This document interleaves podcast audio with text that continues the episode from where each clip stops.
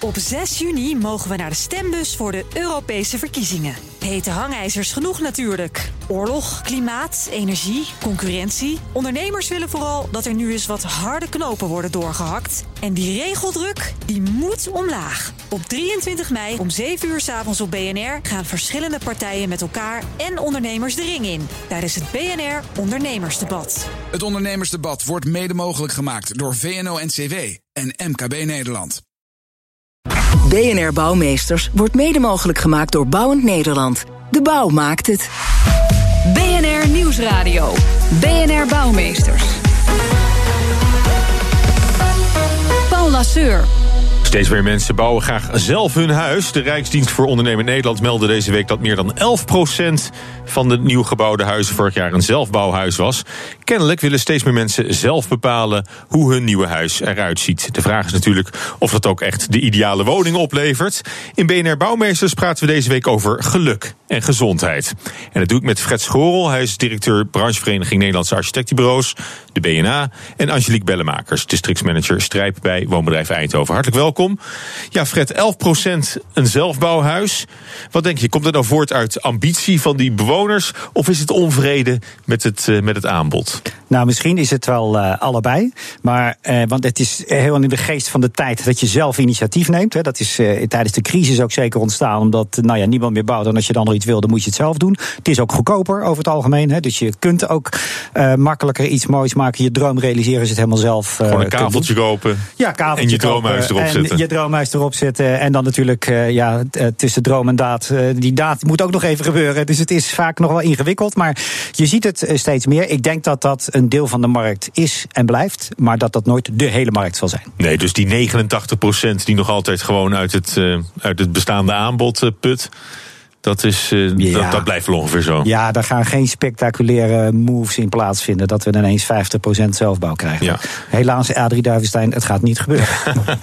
nou, nou, zijn jullie met, uh, met de branchevereniging een campagne gestart over de sociale impact van architectuur. Feitelijk heb je, heb je daar misschien ook wel over als je kijkt naar mensen die zelf hun, hun huis bouwen. Ja. Um, Waar, waar, dat is ook uit onvrede met de huidige bouwpraktijk uh, ergens. Hè? Want, waar gaat het mis als je, als je kijkt naar de huidige bouwpraktijk? Nou ja, kijk, wat wij zien is, en we hebben dat geframed even met de, de hashtag gebouwd geluk. Hè, wat wij mm -hmm. zien, waar we het doen met z'n, waarvoor we het doen met z'n allen in de bouw, is uiteindelijk dat je wil dat de mensen die onze gebouwen gebruiken, gelukkiger worden. Hè? Mm -hmm. En dat kan zijn gezonder, beter, dat ze beter leren, et cetera.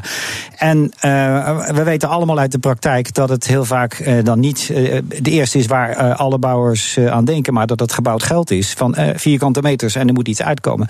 Wij dachten tijdens die crisis Gewoon juist winstbejag. Winstbejag. En dat is niet ongezond, maar niet het enige. Als je echt wil vanuit je vak dat mensen gelukkiger worden, dan zouden we met z'n allen ons meer moeten verdiepen in die eindgebruiker, in die mm. consument, met hen serie, ons serieus in hen verdiepen en daarmee niet hen gelukkiger maken, maar wel de condities voor het geluk. Maar een, een gelukkig gebouw, om het zo maar even te noemen, ja. lijkt mij ook een succesvoller gebouw. Ook als investering misschien wel. Zeker. Nou, dus het is ook niet voor niks dat, uh, laat ik zeggen, ook beleggers en andere partijen zich hiervoor interesseren.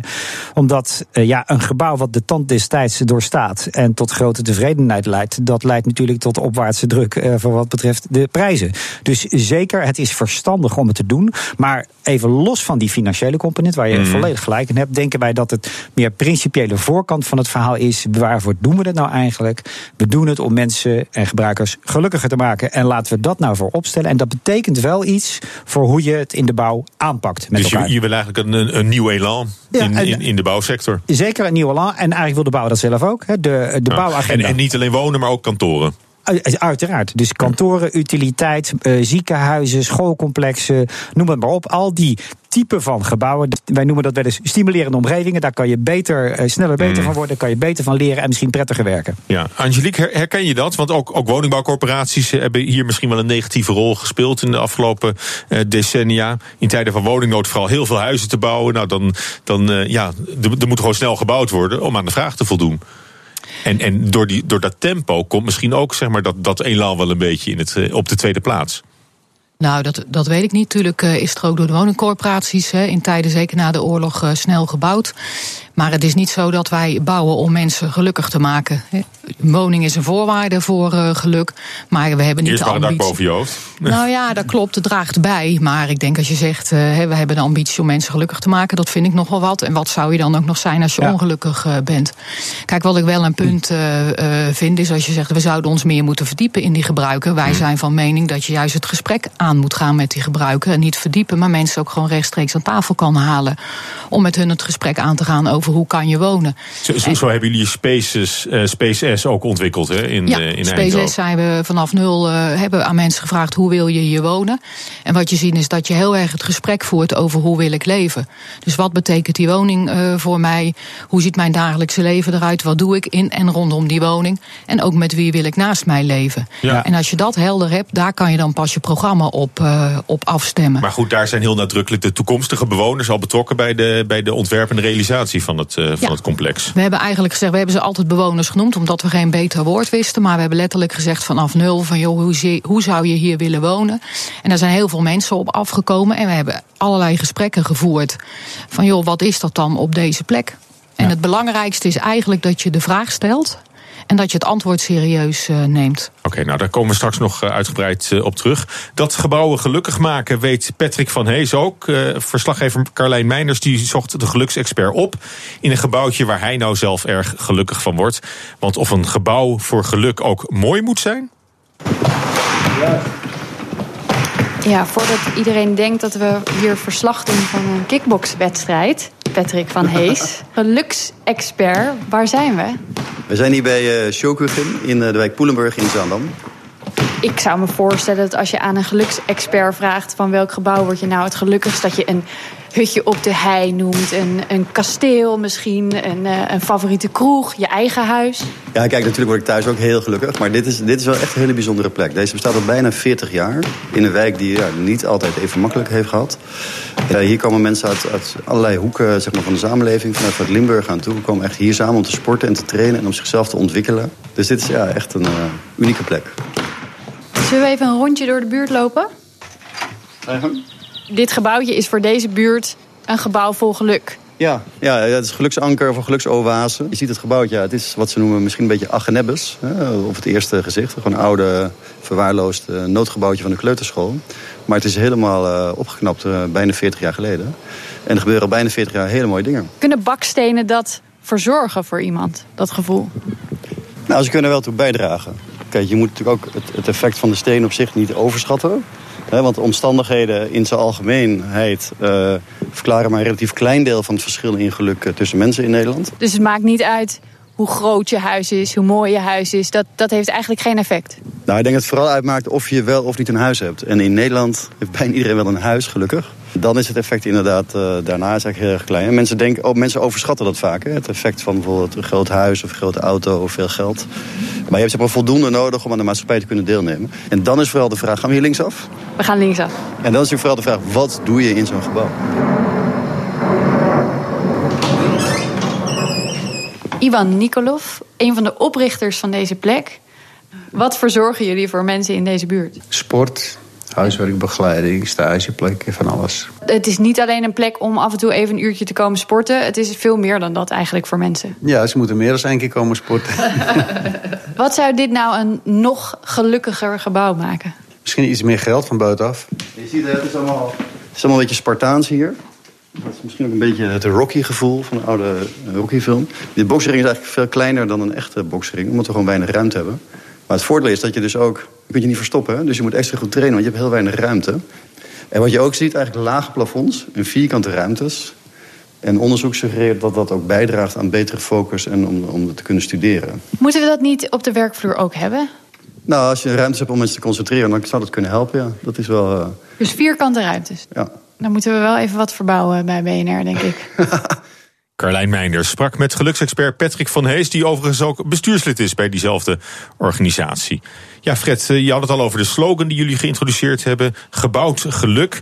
Nou, geluksexpert Patrick van Hees die wordt gelukkig van een ja, behoorlijk afzichtelijke keet. We kunnen het niet ja. anders noemen. Ja. Uh, dus gebouwen hoeven niet per se mooi te zijn. Nee, dat, is, zeker dat, niet. dat is niet waar we het hier over hebben. Zeker niet, nee. Uh, even als voorbeeld, Space S is genomineerd voor beste gebouw van het jaar. Dat gaat dus over, de BNA beste gebouw van het jaar gaat over gebouwen... die eigenlijk maatschappelijke meerwaarde hebben. En ook een meerwaarde voor de opdrachtgever. En dat gaat dus niet per se definitie niet om, de, om het mooiste gebouw, maar om het beste gebouw. Nou, in dit geval gaat het om betekenis. Wat, hoe kan een gebouw helpen om mensen gelukkiger te maken? Hier is het ruimte, vrijheid, sportiviteit. Dus hoe kan je condities scheppen waaronder die, deze mensen gelukkig worden? Uh, uh, Stendhal zei: schoonheid is de belofte van geluk. Uh, dat, dat kan je ook zeggen. Schoonheid kan zeker dus helpen. Maar wat heel belangrijk is voor geluk voor mensen, is onder andere contacten, Hm. sociale contacten. Dus dat betekent ook iets voor de architectuur. Maar kan je dat sturen of is het een toevalstreffer? Nee. Ik, ik neem aan dat de gebruikers niet vooraf zijn geconsulteerd in dit geval bij die, bij die sportschool. Nee, dus Nee. nee. Nee, gelukkig gaat niet. om of mensen zich kunnen verbinden aan de plek. Hè. En er is een plek waar je iets geboden wordt wat je kan gaan halen. En je kan ook voor jezelf zorgen dat je een plek kan maken waar je het kan krijgen. Ja. En dat zijn uh, verschillen. En het is niet altijd een toevalstreffer, hè, want mensen gaan daarna op zoek of creëren het zelf. Hè. We kunnen allemaal, kennen allemaal wel plekken die wat ruw en rauw zijn, die op een gegeven moment in beslag genomen worden door groepen mensen die daar prima activiteiten gaan doen. En soms wordt er iets gemaakt wat ook van, eh, vanaf het begin af aan ook duidelijk is welke bestemming dat heeft. Ja.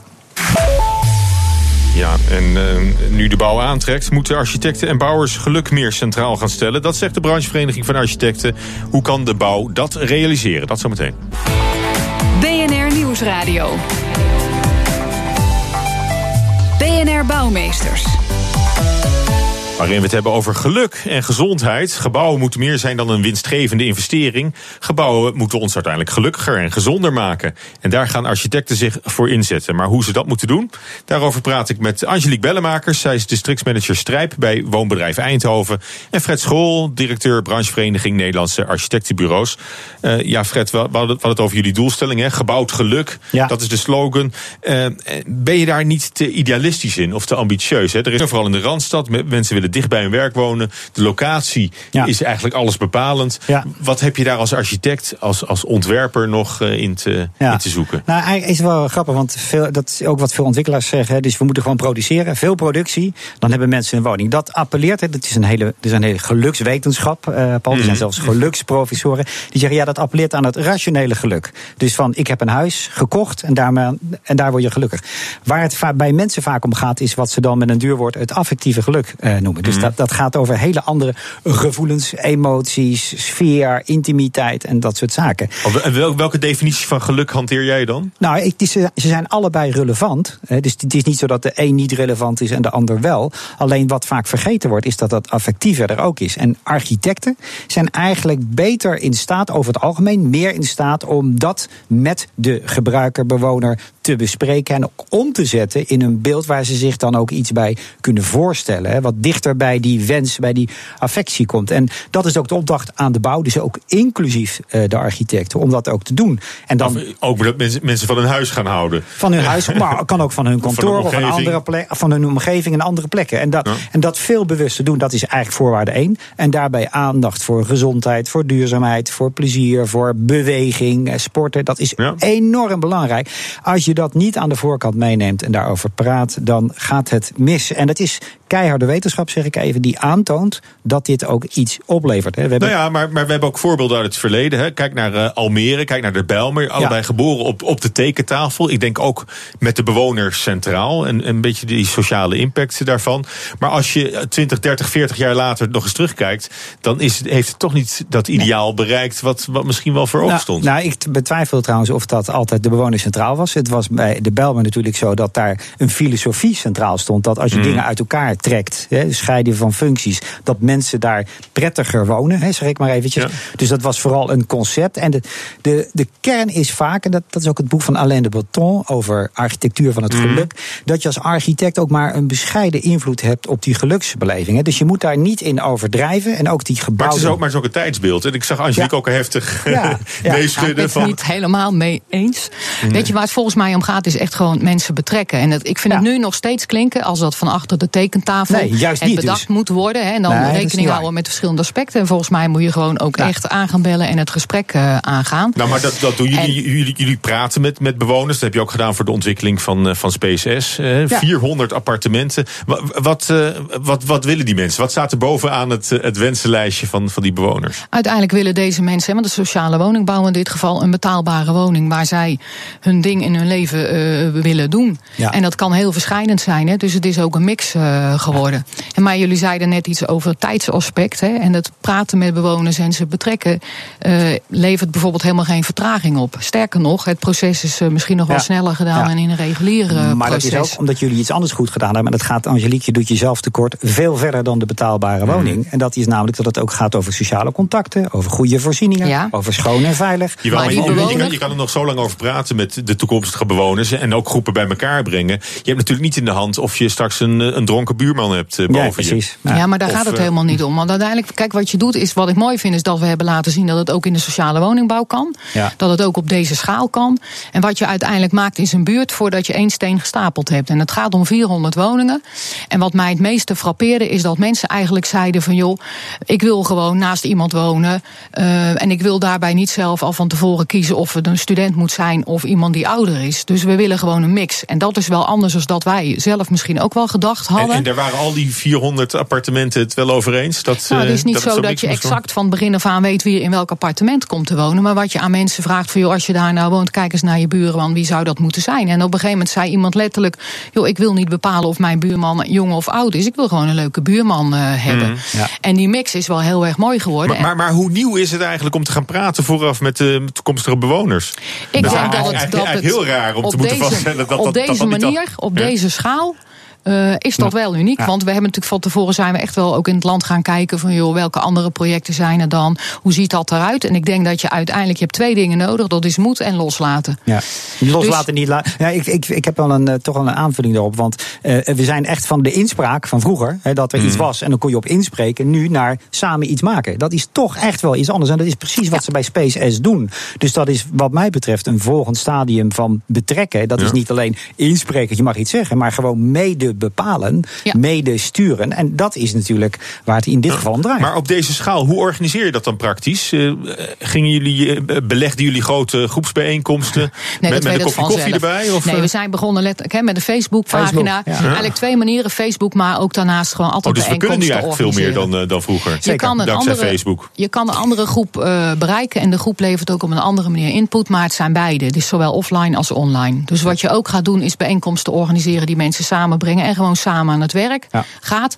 En in dit geval hebben we ook een architect eh, nodig die, en je moet ook dingen verbeelden. Hè, dus zo'n architect, Hmm. ik zeg wel eens, je moet ook je ego aan de kant zetten. Hè, ook in staat zijn om te luisteren en door te vragen en dan op een gegeven moment ook terug te geven, is dit wat jullie bedoelen? En het mooie is van deze tijd is dat je heel veel enthousiaste mensen krijgt die gewoon met hun laptop op een schoot naast je zitten en zeggen, joh, Ja. dit is eigenlijk wat ik bedoel. Ja, die heb je Dus altijd. is heel maar, maar veel je- beeld. heb, je, heb je ook afhakers die denken van nou, het, zal- het zal allemaal wel? Tuurlijk heb je Doe, doe afhakers. mij maar een huis eh, straks. Ja, zeker. Nou, je hebt, We wel. je hebt Ja. afhakers. Je hebt mensen die doen mee aan En het proces. Eh, ook wel, eh, soms omdat ze vanwege hun studie of van, vanuit hun eh, beroep. Maar het is niet zo dat iedereen die daar nu woont van het begin af aan betrokken is. Ja. Dus mensen gaan ook weg omdat ze ergens anders werk krijgen. Omdat ze Ja, ja, gaan scheiden, ja. omdat ze gaan samenwonen. En ik krijg heel vaak de vraag van, joh, krijg je wel goede verhuurbare woningen? Of als mensen voor het gebouw staan, zeggen ze, joh, is dit nou wat het geworden is? Er is nog een raar beeld, hè, dat als je dat met bewoners doet, hè, of nou, met mensen, dat we dan iets gaan maken wat, wat niet reëel zou zijn. Wat, wat, wat leverde het uiteindelijk op? Wat er anders niet geweest was? Uiteindelijk eh, er waren eerst twee aaneengesloten bouwblokken volgens het stedenbouwkundig plan. Mensen hebben ervoor geko- gekozen voor zeven blokken met verschillende typen plaats van woningen. Ja. En er was is een het twee binnengebied. veel hogere torens Ja, eh, geworden. en er is een ja. binnengebied eh, ontstaan, er zijn daktuinen ontstaan. Ontmoetingsruimte, hè, dus er die zijn gemeenschappelijke is ruimtes gekomen. eh, ontstaan. We hebben eigenlijk met elkaar een DNA bepaald. En mensen zeiden, joh, ik wil alleen, maar ik wil vooral ook iets samen. Het is stedelijk en het is groen. Ja. En het moet flexibel zijn en er Ja. is een kader. Ja. Dus er zijn echt wel wezenlijk andere dingen ontstaan. En En, toch, als, als ik je dat hoor zeggen, van dit is wat mensen ongeveer wilden, voor zich zagen, dan denk ik van ja, dat had ik ook wel kunnen bedenken. Want voor mij willen we nou allemaal precies- wel zo'n beetje hetzelfde. Maar dat is nou precies waar ik last van heb. Hè? Dat we altijd denken dat we het ook hadden kunnen bedenken. ja, dat is de wiskundeopgave die je achteraf ziet. Ja. denk je, oh, zo simpel was het. Ja, maar nee dus. waarom doe en het proces is met veel meer energie. En je krijgt, hè, je moet je ook voorstellen, het was op een gegeven moment ook een lege plek. Dat op een gegeven moment een aantal mensen zeiden in de zomer: het is mooi weer, ik ga hier vannacht eh, slapen en kamperen. En dan kan je zeggen, ja joh, dat ziet er een beetje uit als uh, nou, een of andere bende. Wat is daar de meerwaarde van? Maar wat je dus bouwt is een buurt. En op het moment dat mensen er gaan wonen, kennen ze elkaar. En is er nooit het heeft op voorhand al meer ziel dan het anders ja, zou, het zou heeft, hebben. En, en dan wat ik nog een ander belangrijk punt uh, vind. Is we hebben eigenlijk een merk gemaakt. SpaceX is een merk geworden. En dat is nooit onze opzet geweest. Maar het feit dat je een merk maakt, helpt dat mensen het herkennen. Nou, met een positieve lading. Want, Ja, want de Belmer, met- Almere is dus ook nou een merk. Nou ja, de nieuwe Belmer heeft ook een positieve lading. Ja. Hè? Dus er Ja, is iets bij de Bel- Belmer gebeurd... waardoor je een volgende step, eh, stap maakt in Ja. dat eh. En, en nu, nu hebben we het over, over, over woningen. Ik, ik vroeg je al eerder, Ja. eh, Fred, eh, over eh, kantoren, Ja. de werkplek. Ja. Daar gaat het, eh, gaat het eigenlijk ook, eh, ook om. Ja. Hoe, hoe maken we van een werkplek een gelukkige werkplek? Nou Op de eh, tekentafel. Ja, nou ja, op de tekentafel, is eigenlijk wat Angelique zegt is wel terecht. Die tekentafel is eigenlijk secundair. Het is vooral het gesprek met de gebruiker. Als je nou bijvoorbeeld neemt het onderzoek van het Nederlands Instituut voor Ecologie. Daar werken een heleboel mensen. Maar, maar het is eigenlijk nogmaals hoor, het is eigenlijk raar dat we het erover moeten hebben. Ja. Dat de gebruiker bepaalt hoe, hoe, die, hoe die wil wonen of werken. Ja, het is raar, maar het is een discussie die al tientallen jaren gevoerd wordt. En waar het veel met de mond beleden wordt. En in de praktijk weinig wordt toegepast. Omdat Ja. het toch makkelijker is om het gewoon toch maar uit te rollen. En ach, de mensen willen gewoon een, eh, een, twee onder één kapper Ja. met een tuintje Ja. en een, eh, en een En, blokkerschuurtje. en wie verwijt je dat? De bouwers? Ja, weet je, het is een beetje kinderachtig om dat alleen de bouwers te verwijten. Ik Maar denk toch. dat het, in de, als ik nou zeg in de bouw, ja, is het automatisme. Is de eerste reflex. Dit willen mensen dus dat bouwen, want we hoeven niet meer te vragen. En ons pleidooi is, laten we ons nou echt verdiepen in die mensen. Laten we nou echt dat gesprek aangaan met die mensen die in een kantoor Ja. moeten, op een werkplek of in een ziekenhuis. Hè. Hoe word je nou beter? Met groen bijvoorbeeld. Blijkt heel veel invloed te hebben. dus En- het kan wel. Hè. En Dus- het zijn andere waardes toekennen. Hè? Wat Ja. jij net ook eh, zei, is niet alleen kijken naar die financiële waarden. Nee. Maar als je een groot aantal bouwt, dat je ook een plek in de stad wil die ook Ja. past in de context van die Ja, stad. zeker. En dat Maar- die al opgenomen wordt. En dat is niet financieel, maar dat is dus ook omwonenden betrekken. Mensen die er al wonen, die die plek al kennen. Ja. Dus dan krijg je ook iets wat veel meer thuis hoort in die omgeving. In plaats dat je gewoon een blok Ja. woningen torpedeert in Ja. een stukje Maar we hebben het ook al even gehad over het, het ego van de architect. Zeker. Is een architect een kunstenaar die alleen maar zijn, zijn ideaalbeeld wil verwezenlijken? Ja. Of is hij iemand die eh, in opdracht. eh Het is een professional die je nodig hebt en die goed naar mensen kan luisteren. een en dat ingenieur, een kan techneut verbeelden. eigenlijk meer? Nee, geen Nee. techneut. Als je goed naar mensen kunt luisteren, ben je niet per definitie een techneut, volgens mij, Paul. Nee, dat, eh, dat, dat eh, is een groot, eh, groot verschil. Ja, nee, dus dat, eh, die houden we erin. Goed, dus Angelique, vanaf nu doen jullie alle projecten zoals SpaceX. Wij zeggen, ik zeg niet dat wij alle projecten volgens eh, de methode van SpaceX eh, doen. Wat wij wel doen, is wel altijd met mensen het gesprek aangaan. En of het nou over een groter geheel is vanaf, vanaf nul. Of bewijzen van over de inrichting van de binnentrein bij een seniorencomplex. We zullen zeker dat gesprek aangaan. Ja, en, en welke elementen neem je dan vooral mee in, die- in, in hoe van, jullie vanaf nu eh, kijken naar dit soort eh, ontwikkelingen? Nou, kijk, de- wat ik net al zei, je moet kijken naar de ontwikkeling en de context eh, waarbinnen het zich eh, bevindt, hè, waarvoor je dan eh, kiest.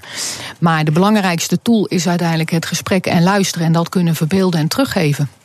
Nou ja, ik denk dat dat eh, sowieso een basisprincipe zou moeten zijn voor alle architecten en bouwers. Dit was het alweer eh, voor vandaag. Hartelijk dank voor jullie bijdrage. Angelique Bellemakers, districtsmanager Strijp bij Woonbedrijf Eindhoven. En Fred Schorel, directeur branchevereniging Nederlandse Architectenbureaus. Dit was Bouwmeesters voor deze week. Heeft u vragen of tips, mail die dan naar bouwmeesters.bnr.nl. En de show is terug te luisteren op bnr.nl slash bouwmeesters. Maar dat kan ook via iTunes en Spotify. Tot volgende week. BNR Bouwmeesters wordt mede mogelijk gemaakt door Bouwend Nederland. De bouw maakt het. Op 6 juni mogen we naar de stembus voor de Europese verkiezingen. Hete hangijzers genoeg natuurlijk. Oorlog, klimaat, energie, concurrentie. Ondernemers willen vooral dat er nu eens wat harde knopen worden doorgehakt. En die regeldruk, die moet omlaag. Op 23 mei om 7 uur 's avonds op BNR gaan verschillende partijen met elkaar en ondernemers de ring in. Tijdens het BNR Ondernemersdebat. Het ondernemersdebat wordt mede mogelijk gemaakt door VNO-NCW en MKB Nederland.